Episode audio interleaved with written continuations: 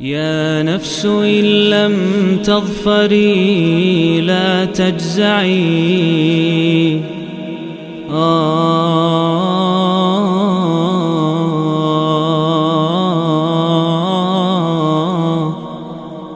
بسم الله الرحمن الرحيم. الحمد لله والصلاة والسلام على رسول الله. أما بعد Ini الله pertemuan ke-66. Dalam serial 114 hari menyambut bulan Ramadan dan kita kali ini bersama surat At-Tahrim surat nomor 66. Surat At-Tahrim merupakan surat madaniyah dan penghujung dari juz 28. Dengan demikian, setelah kita menyimak surat-surat di juz 28, dapatlah kita berkesimpulan bahwa seluruh surat di juz 28 adalah surat-surat madaniyah. Dan surat At-Tahrim ini turun setelah surat Al-Hujurat dan turun sebelum surat As-Saff. Oh iya, saya lupa mengingatkan bahwa surat As-Saff turun sekaligus. Surat As-Saff turun sekaligus. Dan dia surat yang turun sekaligus terpanjang kedua setelah surat Al-An'am. Itu surat Al-As-Saff adapun kita sekarang sedang membahas surat Tahrim surat Tahrim dan juga surat Al-Hujurat. Dan kebanyakan surat Al-Quran turunnya tidak sekaligus satu surat tapi berangsur-angsur bisa dua kali turun itu tiga atau lebih. Nah ini maksudnya dua kali turun ya ini dicicil demikian diangsur berangsur-angsur. Dan surat At-Tahrim ini terdiri dari 12 ayat dan disebut dengan nama At-Tahrim yang artinya pengharaman. Karena Allah Allah Subhanahu wa taala di ayat pertamanya itu menegur Nabi Shallallahu alaihi wasallam karena beliau mengharamkan madu atas diri beliau sebagaimana diriwayatkan Imam Al-Bukhari dan Imam Muslim. Ya betul ada riwayat lain tapi ini riwayat yang lebih kuat yaitu di mana Nabi Shallallahu alaihi wasallam ketika singgah di rumah sebagian istri beliau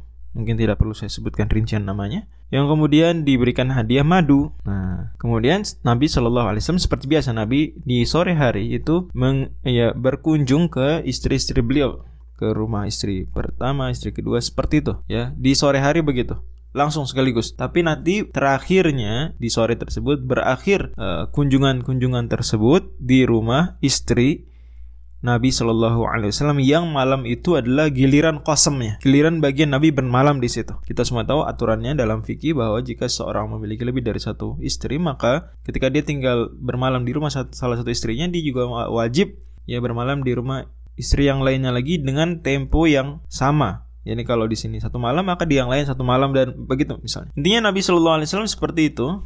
Tapi beliau kalau sore-sore mengunjungi semuanya berganti-gantian. Nah, di situ kesempatan Nabi Shallallahu Alaihi Wasallam itu di rumah salah satu istri diberi hadiah madu dan Nabi kemudian nikmatilah madu tersebut dan aroma madunya wangi. Ya. Apalagi madu-madu di ya Hijaz waktu itu banyak dari Yaman. Madu-madu Yaman harum-harum, kualitas tinggi, masya Allah. Sampai hari ini luar biasa. Nah, jadi Rasulullah SAW ketika suatu ketika bermalam di rumah Zainab, hal ini saya sebut saja karena konteksnya positif ya. Zainab binti Jahsh radhiyallahu anha, ibunda kita, diberi hadiah madu tadi. Nah kabarnya itu terdengar bahwa Zainab ngasih hadiah uh, madu ke Nabi. Dan madu istimewa dong hadiah istimewa. Dan istri Nabi itu berlomba-lomba ingin apa? Ingin memberikan hadiah terbaik untuk Rasulullah SAW. Tapi apa daya? Tidak semuanya mungkin mendapatkan kesempatan atau kemampuan tersebut. Akhirnya ada sebagian istri-istri Nabi Shallallahu Alaihi Wasallam yang mereka kemudian rapat ya. Waktu itu belum ada grup WhatsApp. Rapat bahwa nanti ke sore-sore nanti kan itu sudah bermalam di rumah Zainab. Sore nanti kalau Nabi keliling ya berkunjung ke rumah-rumah kita karena Nabi sediakan buat mereka masing-masing satu istri satu rumah ya tersendiri. Kita semua tahu itu. Total berarti dalam satu waktu ada sembilan rumah maksimal. Kita mereka nanti kalau Nabi ngunjungin nih sore-sore bilang ke Nabi engkau habis makan tanaman mangrove ya.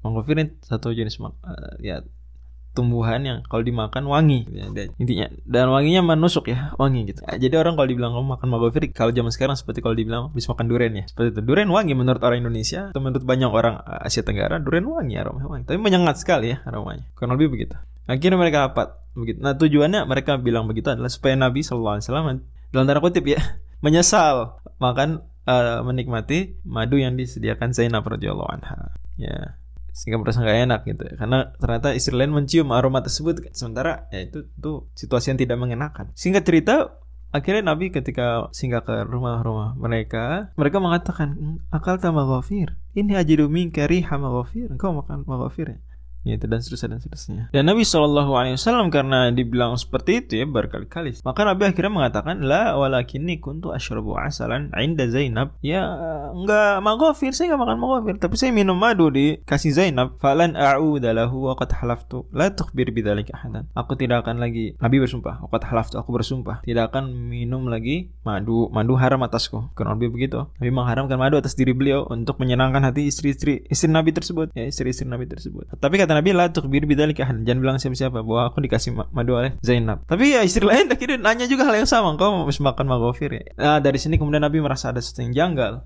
Hingga kemudian Allah memberitahu Nabi Shallallahu Alaihi Wasallam bahwa itu sebetulnya rencana para atau sebagian istri Nabi Shallallahu Alaihi Wasallam untuk uh, ada hal-hal tertentu yang ingin mereka lakukan dan akhirnya Allah menegur ya para istri Nabi tersebut bahkan kata Nabi kata Allah Subhanahu wa taala in tatuba ilallahi faqad sagat qulubukuma wa in tadhahara alaihi fa inna Allah wa maulahu wa jibril wa salihul mu'minin Masya Allah di ayat keempat. Kalau kalian bertobat kepada Allah maka sungguh hati kalian telah condong pada kebenaran. Tapi jika kalian saling bahu-bahu menyusahkan Nabi maka Allah adalah pelindung Nabi. Begitu juga Jibril begitu juga orang-orang beriman yang baik. Dan begitu para malaikat juga membela Nabi.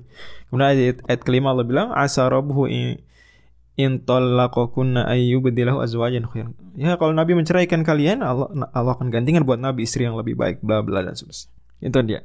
Dan tema besar surat ini adalah haramnya mengabaikan pendidikan keluarga. Jadi hubungan dengan at-tahrim tadi itu haramnya mengabaikan pendidikan keluarga. Dan connect juga dengan cerita Nabi tadi bahwa jangan sampai suami mengabaikan pendidikan keluarga hanya setiap hari hanya berusaha membuat senang keluarga, bukan mendidik. Salah. Mendidik beda dengan membuat senang. Mendidik akan membuat bahagia, tapi membuat sekadar membuat bahagia tidak dengan nuansa mendidik, yaitu justru malah bertentangan dengan yang diinginkan Islam dari keluarga. Makanya kita bisa lihat sini potret keluarga Allah Subhanahu wa taala berikan contoh keluarga-keluarga, keluarga Nabi Nuh, keluarga Nabi Lot ya. Kemudian kemudian Allah Subhanahu wa taala keluarganya Firaun. Ini contoh teladan-teladan yang tidak ideal ya. Kemudian uh, juga Maryam yang tidak berkeluarga. Kemudian Allah perintahkan di tengah-tengah surat surat 6, 66 ayat 6. Cakep nih angkanya. Surat 66 ayat 6 Allah firman, "Ya ayyuhalladzina amanu qu anfusakum wa ahlikum nar." Wahai orang-orang beriman, jaga diri kalian dan keluarga kalian dari api neraka. Kemudian Allah Subhanahu wa taala juga tegaskan ancaman tersebut pada orang kafir. Dan benarnya adalah Allah suruh tobat orang-orang beriman semuanya di ayat ke-8 dan di ayat 9 Allah Subhanahu wa taala tegaskan tentang perintah jihad. Dan menarik sekali bahwa sebetulnya mustahil terwujud mujahidin-mujahidin yang hebat, ya militer kaum muslimin yang luar biasa kalau keluarganya rapuh.